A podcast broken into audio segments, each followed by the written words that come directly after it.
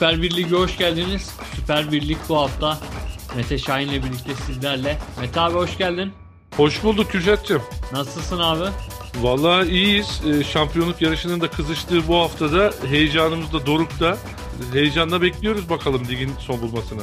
Milli aradan sonra biraz Letonya ile Evet. moralimiz bozulsa da 7 puanla gelmemiz güzel oldu. Şimdi de Süper Lig heyecanı dediğin gibi tüm hızıyla devam ediyor. Hafta sonu maçlarımız vardı.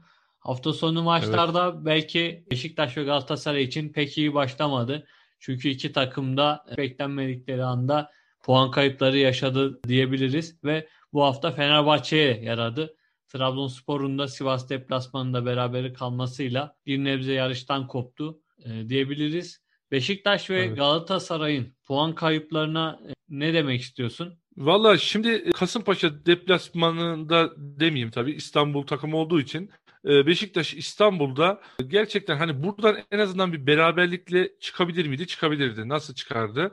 Beşiktaş'ın çok eksikleri vardı. Milli takım dönüşü en e, az Beşiktaş'a yaradı diyebiliriz. Çünkü hani Gezal gibi, Abubakar gibi e, çok çok önemli iki eksiği vardı. Ve defansta da sağ tarafta Necip'le başlamak zorunda kaldı. Ben mesela Sergen Hoca'yı eleştireceksem bu maç adına ki bence eleştiri kabul etmez. Niye? Çünkü Sergen Hocam e, her hafta aynı kadroyla hemen hemen oynamaya çalışıyor. Orta sahada Josef de Souza, Atiba, Laiç bu üçlüyü bozmuyor. İşte solda e, zaman zaman Gezal'la başlıyor. İşte bir tarafta bazen Enkudu yönetiyor, bazen değiştirebiliyor. İleride de Abubakar, daha doğrusu Larin'i alıyor oraya. Abubakar hani e, Gezal, Larin, Abubakar ileri üçlüsüyle çıkıyor. E Şimdi tabii ister istemez bu sakatlıklar dolayısıyla ve özellikle rotasyon oyuncusu mesela Cenk Tosun'la başlamış olsa belki e, daha farklı olurdu. Cenk olmuş olsaydı eğer korona olmamış olsaydı Cenk çok daha farklı bir 11 ile Beşiktaş sahaya çıkabilirdi ama elinden gelebilecek belki de en iyisi buydu. Benim sadece aklıma şu takılıyor. Hani Necip'i sağ bek oynatana kadar hani iki tane sol bekim var elinde. Birisi Ensakala, birisi Rıdvan Yılmaz. Hani ben olsam kanat oynamayı daha iyi beceren e, Rıdvan veya Ensakala'dan bir tanesini sağ bekte başlatıp e, ya da Rozier'i sağ bek başlatıp önde daha farklı bir direkleme gidebilirdim diye düşünüyorum. E, çünkü işte geçen sosyal medyada da gördüm. E, Necip'in bu zamana kadar Süper Lig'de oynamış olduğu pozisyonlara bak. Yani işte 100 küsür kere ön libero, işte 60 kere sağ bek, 10 kere sol bek. Yani her mevkide oynamış Necip. Hani görev adamı diyebilir miyiz? Belki diyebiliriz ama Necip birazcık da basit hataların adamı diye de göz önünde bulunduruluyor. Tabii şöyle bir şey de var. Beşiktaş bu maçta tabii efsane bir gol yedi. E, Aytaç'ın atmış olduğu gol hani Robben vari bir goldü. Çok güzel bir gol attı Aytaç ve bu golü de Beşiktaş çıkartamadı. O baskıyı da kuramadı önde. Çünkü dediğim gibi normalde Beşiktaş ligin belki de en kısa boyuna sahip. Yani 40 metrelerde 50 metrelerde oynuyor Beşiktaş. Kürşat. Yani normal performansını sergilediği zaman Beşiktaş normal kadro yapısıyla bunu gerçekleştirebiliyor. Ama bu maçta ben Beşiktaş'ı hani Vida'yı, Wellington'u bir yerde gördüm. Larin'i bambaşka bir yerde gördüm. Yani mesafe çok artmıştı. E, pas kanallarını da iyi oluşturamadılar. İster istemez işte Rozier'den o sağ tarafta Rozier Necip ikilisinden e, çok fazla bir katkı göremediler. E, en sakala en kudu da çok gününde değil gibiydi. Ben bu maçta Josef de Souza'yı da çok etkin göremedim. Çok basit top kayıpları yaptı. E, tabii bunların etkisizliği ister istemez Larin'i de etkilemiş olacak ki Beşiktaş çok da fazla pozisyona giremeden Kasımpaşa'ya kaybetti. Ama dediğim gibi mesela ben bu maçtan bir beraberlik Beşiktaş bu kadar çok eksikle bir beraberlik çıkarmış olsa en az galibiyet kadar sevineceklerini düşünüyorum. E, Kasımpaşa adına da tabii e, Aytaç'la alakalı bir karar alındı değil mi Kürşat? Kadro dışı bırakıldı. Evet. Onun da o da şimdi aslında şöyle ben mesela Kasımpaşa'nın hocasını çok haklı buluyorum. Aytaç'ın ben şimdi ilk sarı kartı belki tartışılır ama ikinci sarı kartı netti. E, Hakem orada bir tereddüt yaşadı. Pozisyona doğru koştu. Eli cebine doğru gider gibi oldu Halil Umut Meler'in. Ama orada geri döndü. Aytaç'ın ikinci sarı olacağını düşündüğünden ben öyle düşünüyorum şahsen. E, vermedi ikinci sarıyı ve hocası da hemen devreye girdi Sadi Hoca. Hemen dedi ki Aytaç'ı ben alayım dedi. Çok da erken bir dakikada çıkarttı Aytaç'ı. Çünkü maçın etkili isimlerinden biriydi. 65. dakikada oyundan alınacak bir oyuncu değil Aytaç. Ama Aytaç da tabii profesyonelliğe yakışmayacak bir şekilde çok büyük tepki gösterdi. E, kenarda tartışmalar yaşandı. Direkt soyunma odasına gitti. E, ama Aytaç tabii potansiyeli olan bir futbolcu. Belki yaşı belli bir seviyeyi geçti. Artık 28-29 yaşında. Ama e, Anadolu takımları için bence biçilmiş kaftan bir orta saha diyebilirim. Hayredunovic'in performansını da beğendim ben. Kilit pasları, alan boşaltması, forvet arkası görevini çok iyi yerine getirdi Varga ile beraber. Varga da ona çok yardım etti. E, Sadiku tam bir görev adamı diyebilirim. Tosic e, tabii Beşiktaş'taki Tosic gibi değil. Çok basit hatalar yaptı. E, kademede bazen eksik bıraktı Lukasen'i. E, ister istemez bazı pozisyonlara sebep oldu diyebilirim. Ama Kasımpaşa genel olarak galibiyeti hak etti diyebiliriz. Yani bir tık daha üstündü Beşiktaş'tan ve galibiyeti aldı. İşin Galatasaray kısmına geldiğimiz zaman Galatasaray'da da çok çok büyük eksikler vardı Kürşat. Yani Galatasaray'da tabii ki e, hani tam kadro çıktı diyemeyeceğim Hatay karşısına. Ama işte Muhammed'i ben e, Fatih Hoca'nın biraz performansını kaybettirdiğini düşünüyorum. Yani o Falcao ile ikili forveti getirmesi Fatih Hoca'nın son 3 maçtır. Muhammed'in performansını, ivmelenmesini aşağıya doğru götürdü. Ve şunu da anlayamadım ben. Mesela Ömer'le başladı orta sahada. Yani Etobo, ön libero. Önde de Feguli Ömer. Yani ben anlayamadım, bir anlam veremedim. Niye Ömer'le başladı? Mesela Galatasaray'da hiç oynanmayacak maçlarda Emre Akbaba ile başlıyordu Galatasaray o pozisyonda. E, hadi bilemedik. Oğulcan Çağlayan oynayabilirdi. E, ikili forvet başlıyordu Fatih Hoca. Falcao Muhammed'i düşünüp belki Ömer'i alabilirdi. Etobo Feguli yapabilirdi orta sahaya ama ilginç bir şekilde başladı. Hele de hani stoperde Fernandez'le, Jetson Fernandez'le başladı. E tabi orada hep bunlar zorunluluktan. Hani tabii ki sonuçta Avrupa'ya ismini duyurmuş bir Getson Fernandez var. E şimdi tabii ki orada kimse stoperde oynatmak istemez ama ister istemez Fatih Hoca da zorunda kaldı diye düşünüyorum ama o da orada çok aksadı. E, gollerde ister istemez tabii kademe hataları da yaptı Galatasaraylı oyuncular. Bu, bu maçta da yıldızlaşan bir Mame Diouf vardı. O da hep dikkatler bu Penza'nın üzerindeyken Diouf da e, ligde 13. golünü attı. Yani onda gol krallığı için ismini sıralara yerleştirmeye başladı diyebilirim. Hatay'da da tabii dikkat çeken e, diğer isim Akintola'ydı. O da sağ tarafı çok çok etkili kullandı Popov'la beraber. Arkalarını iyi kullanıyorlar. Zaten Hatay'ın bu siyahi oyuncuları hani nereden buluyorlarsa gerçekten çok çok etkililer. Gerek Traore olsun, gerek Diouf, Akintola, yok olan Bupenza, e, Kamara ya bunların hepsi çok çok etkili oynadılar. Hatta Alanya'dan aldıkları Isaac Saki var. O da sonradan şans buldu. Hepsi gerçekten çok çok etkili futbolcular ve tehlike yaratan oyuncular. E, Galatasaray tabii çok fazla pozisyon da bulamadı. İşte Babel'in oyuna girmesiyle beraber bir 60'tan 70'ten sonra Hatay'ın da tabii geri çekilmesiyle birkaç doldur boşalt pozisyonu yakaladılar. Bunları da değerlendiremediler. Ama tabii Beşiktaş'ın da kaybetmesiyle Galatasaray'da hani kaybetti, çok çok büyük bir yara aldı diyemeyeceğim. Çünkü hani Beşiktaş kaybetti. Eğer Beşiktaş bu hafta kazanmış olsa belki hani bayrağı göndere çekecekti diyebiliriz. Tabii bunların dışında Fenerbahçe'ye çok çok büyük bir görev düştü. Özellikle Emre Belezoğlu'nun teknik direktörlük, koçluk, antrenörlük hayatının başlangıcı olacaktı. İlk adım atacaktı.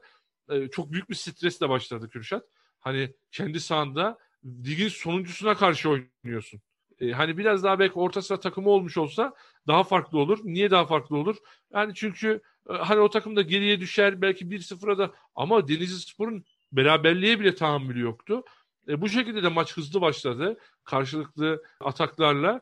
Ama tabii hep söylediğim Fenerbahçe için bence Luis Gustavo, Ozan Tufan ve Pelkas üçlüsü orta sahayı e, özellikle ikinci yarıda bence domine etti. İkinci yarıda etkili performanslar gösterdiler. Özellikle Pelkas 63. dakikada çıkana kadar önemli e, işler yaptı. Yani sağa sola oyunu iyi açtı. Sinan Gümüş'ü çok etkisiz buldum. E, o Galatasaray'da sonradan girip de iş yapan, pozisyonlar yaratan, e, son dakika golleri atan e, Sinan'dan çok fazla bir eser yoktu. İrfan girdikten sonra iyi işler yaptı. E, bir iki pozisyon buldu. Attığı gol şanssızlık Kürşat. Ne diyorsun o pozisyona? Samatta'nın şortu İrfan'ın golüne mani oldu. Ya bence orada ben hani tartışmaya girmek istemiyorum ama ben offside olmadığını düşünenlerdenim. Şimdi şöyle bir durum var. İrfan topa vurduktan sonra top Denizli Sporlu defans oyuncusuna çarpıyor. Yani benim hani kural kitabına göre sanki ama Salahi'ye çarpıyor galiba değil mi? Salahi'ye çarpıyor top. Salahi'ye çarptığı için ister istemez tabii offside oluyor. Eğer Denizli Sporlu savunma oyuncusuna çarpmış olsa offside bozuluyor kurala göre. Ama kendi takım oyuncusuna çarptığı için e, Samatta'nın da şortu sonuçta Samatta'nın şortu. O zaman tight'la çıkacak maça. Yapacak bir şey yok. Yani kendi ekipmanı olduğu için Samatta'ya çarpan top ister istemez offside pozisyonda olduğu için ve Samatta'ya değmiş olduğu için offside oldu ama şimdi ben bu pozisyon çok tartışılıyor. Sosyal medya üzerinde dün gece bütün spor programlarında bu pozisyon tartışıldı. Ama kimse şunu sorgulamıyor. Yahu Samat'ta senin orada ne işin var? Hem bir metre geridesin. Kornerden topu yuvarlamışlar. Yani Caner yani senin orada açılıp da öyle değil mi Kürşat? Yani şöyle bir seken topu karşılaman gerekmiyor mu? Samat da gerçekten bir santroforun sahip o değil ya. Ben bunu görüyorum yani. Fenerbahçe forvet olarak ben yakıştıramıyorum yani. Her zaman bunu yapıyor. Çoğu pozisyonlarda hani sağa sola deplase olacağına, e, boş alan yaratacağına daha da fazla Fenerbahçe'nin o arkadan gelen e, ofans oyuncularının alanını daraltıyor Samat'ta.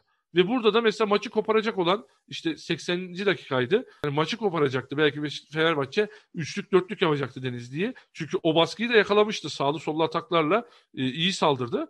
Ama Samat'ta ben en diye düşünüyorum buna. Çok da geç çıktı. 96 4. dakikaya kadar Emre Belezoğlu sabretti. E, değişikliklerde de ben Emre'nin biraz geç davrandığını düşünüyorum. Bence e, diri bir futbol oynadı. Mesela Erol Hoca ile e, futbolcular bu kadar isyan etmiyordu Kürşat. Yani e, 1-0 geriye düştüğü zaman, 2-0 olduğu zaman, 1-1 olduğu zaman maç Fenerbahçeli futbolculardan çok fazla bir tepki göremiyorduk. Şey dünkü maçta Fenerbahçe 1-0 öne geçmesine rağmen baskılı futboluna devam etti. Aynı şekilde yüklendi. Sağlı sollu, Caner'in ortaları özellikle her zamanki gibi tehlikeliydi. E, Ozan'ın, Pelkas'ın katkıları önemliydi. E, Valencia da e, sol tarafı iyi kullandı. Fena değildi. E, Gökhan orta düzeyde bir futbol oynadı bence. Kendi futbolunu çok fazla sergilediğini söyleyemeyeceğim ama e, İrfan girdikten sonra çok etkili. Ben İrfan'ı beğendim. E, onun da bir iki ara pası, attığı gol, yine girdiği bir pozisyon var. Osay Samuel'in bomboş kaleye vurdu, kornere çıkan bir topu. Yani Fenerbahçe'yi ben e, Denizli Spor karşısında çünkü şöyle şimdi normal bir Fenerbahçe'yi yorumlayacak olsak tabii ki 1-0'lık bir galibiyet hani çok çok etkili bir oyunda değil derdik ama e, Fenerbahçe bu sene kendi sahasında yani 5-6 tane maç kaybetti ve hani orta sıra aşağı sıra takımlarına kaybetti. Oraya e, bakarsak onun için Fenerbahçe etkili oldu diyebilirim. Kendi sahasında ben Denizli Spor karşısında zorlanmadı diye düşünüyorum. İlk yarıda vermiş olduğu bir iki pozisyonu e, göz ardı edersem. Yani şimdi ben en son Fenerbahçe ile başlamak gerekirse Fenerbahçe'de Emre Belözoğlu'nun etkisinin çok pek etkili olduğunu düşünmüyorum. Hatta daha da kötüye gitti. Çünkü tekrar e, Erol Bulut sisteminin on, ilk 10 haftalık sistemine geri döndüğünü e, düşünüyorum. Özellikle Caner'in o tekrar ortalarını açması bence hiç Fenerbahçe için iyi sinyaller vermediğini düşünüyorum. Özellikle top pas oyunu oynaması gerekirken yine e, doldur boşaltlarla bir oyun yani pragmatik olarak oyun almaya çalıştı. Ve burada hani Denizli Spor'da galibiyet alabilir ama diğer 9 haftada büyük bir sıkıntı yaratacağını düşünüyorum.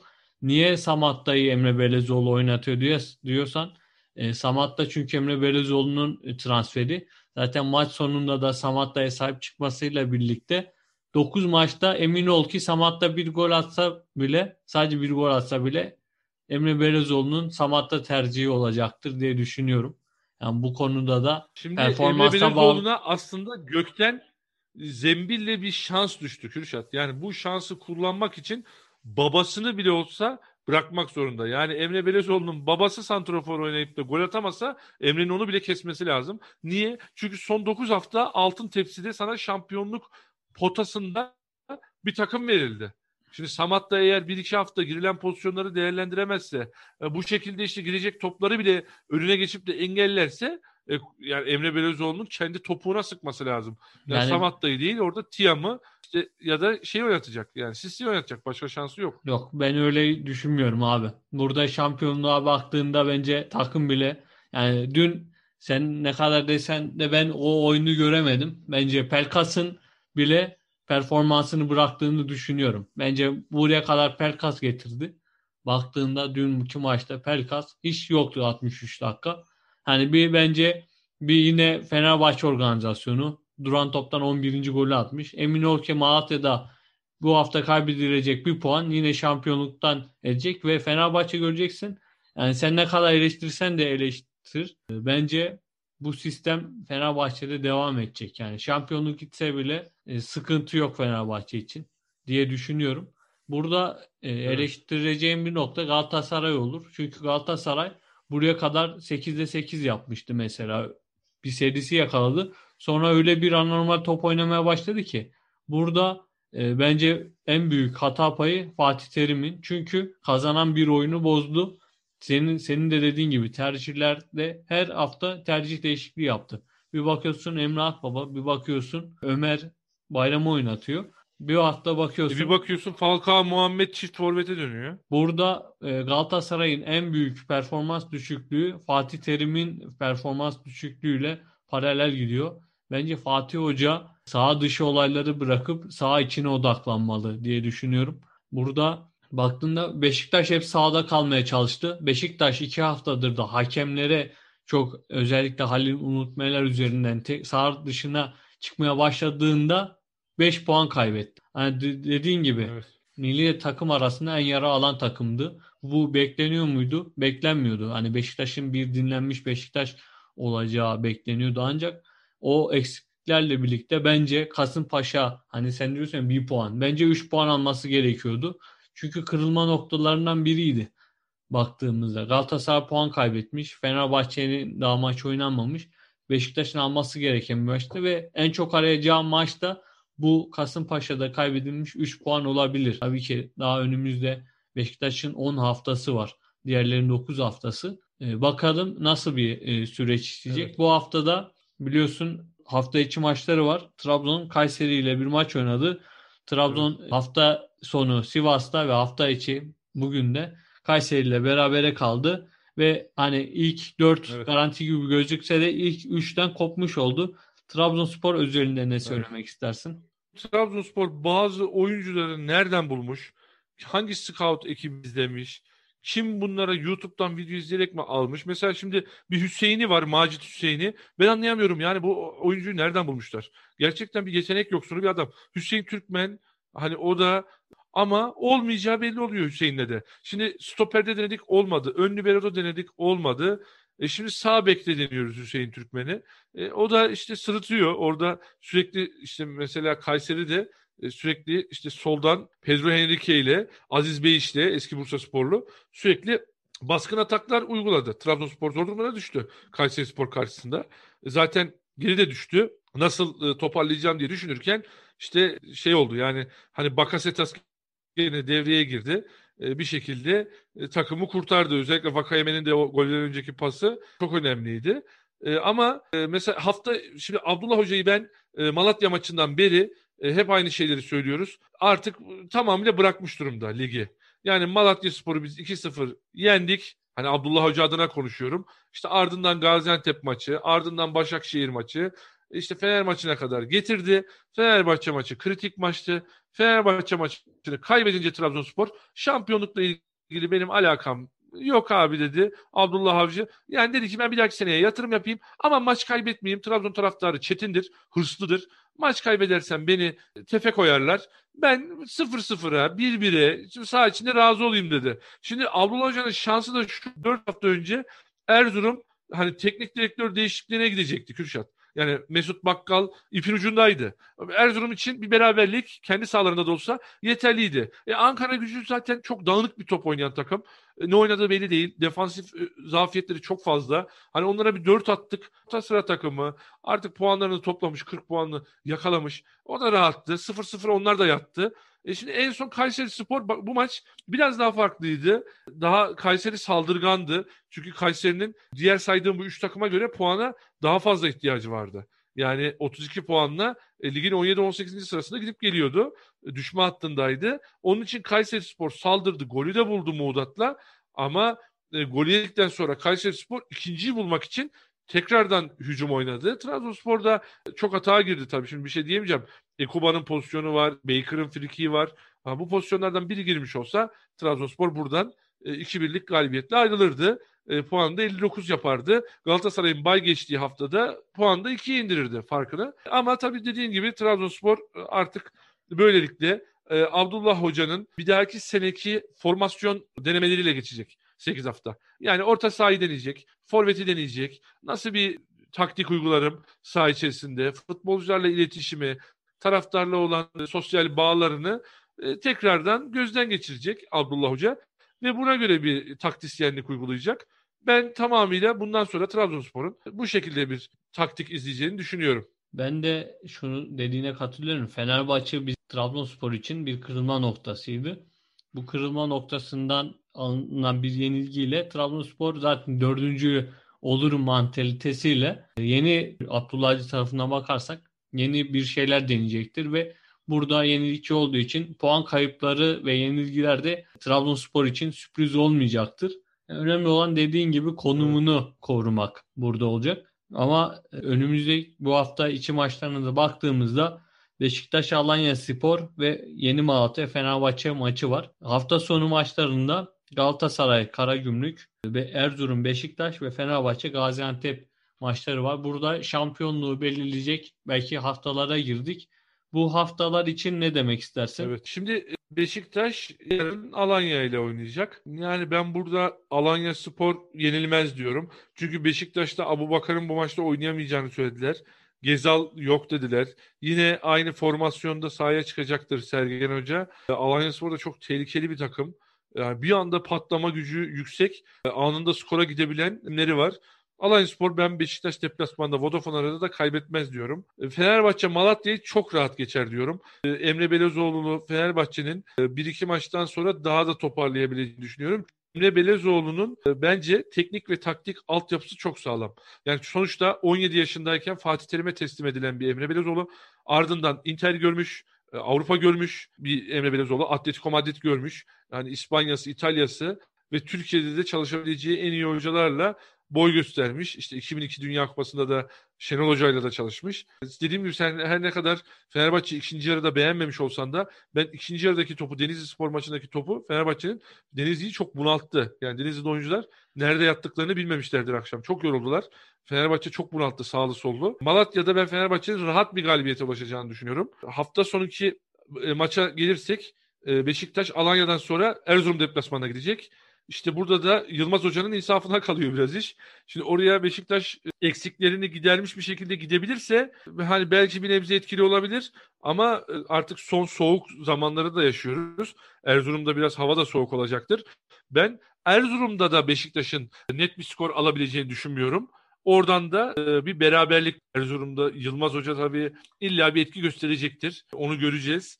E, Galatasaray şimdi hafta içi bay. E, hafta sonu da kimle oynayacaktı Kürşat? Karagümrük'le oynuyor kendi sahasında. Karagümrük'te kendi sahasında. Yani Galatasaray'ın da gerçekten işler acısı bir hali var. E, kadro yapılanması açısından da Fatih Hoca'nın hani iyi giden bir takıma yapmış olduğu hamleler Karagümrük yani bu da bu maçta beraberliğe yakın ama Galatasaray bir tık sanki önde gibi. Çünkü Karagümrük'ün de defansif açıdan hani basit hatalar yaptığını e, biliyoruz ve görüyoruz yani gerçi son 3 haftada Karagümrük gol yemedi ama tabii Kayseri, Rize ve Hatay'la oynadı maçlarını. Ben de Galatasaray'ı bir tık daha üstün görüyorum. Sanki sonundan sonra Galatasaraylılar çok umutsuzlardı ama sanki umutları bir tık yeşerecekmiş gibi geliyor bana. E, hafta sonu Fenerbahçe Gaziantep. Maç Antep'te değil mi? Hayır Kadıköy'de. Ha Kadıköy'de. Valla Fenerbahçe Malatya'yı rahat geçer, tabii de rahat geçer diyorum ben. Ricardo Sapinto'yla hani çok çok da iyi değiller. Son 6 haftada sadece 2 galibiyetleri var. Geçen hafta da Malatya'yla 2-2 berabere kaldılar. Ee, biraz kolay gol yiyen bir takım Gaziantep. Aslında kolay da sonuca ulaşan bir takım. Ben gollü zevkli bir maç olacağını düşünüyorum Kadıköy'de. Ama Fenerbahçe'nin 6 puanla ayrılacağını düşünüyorum. Galatasaray'ın Karagümrük'ü geçeceğini düşünüyorum.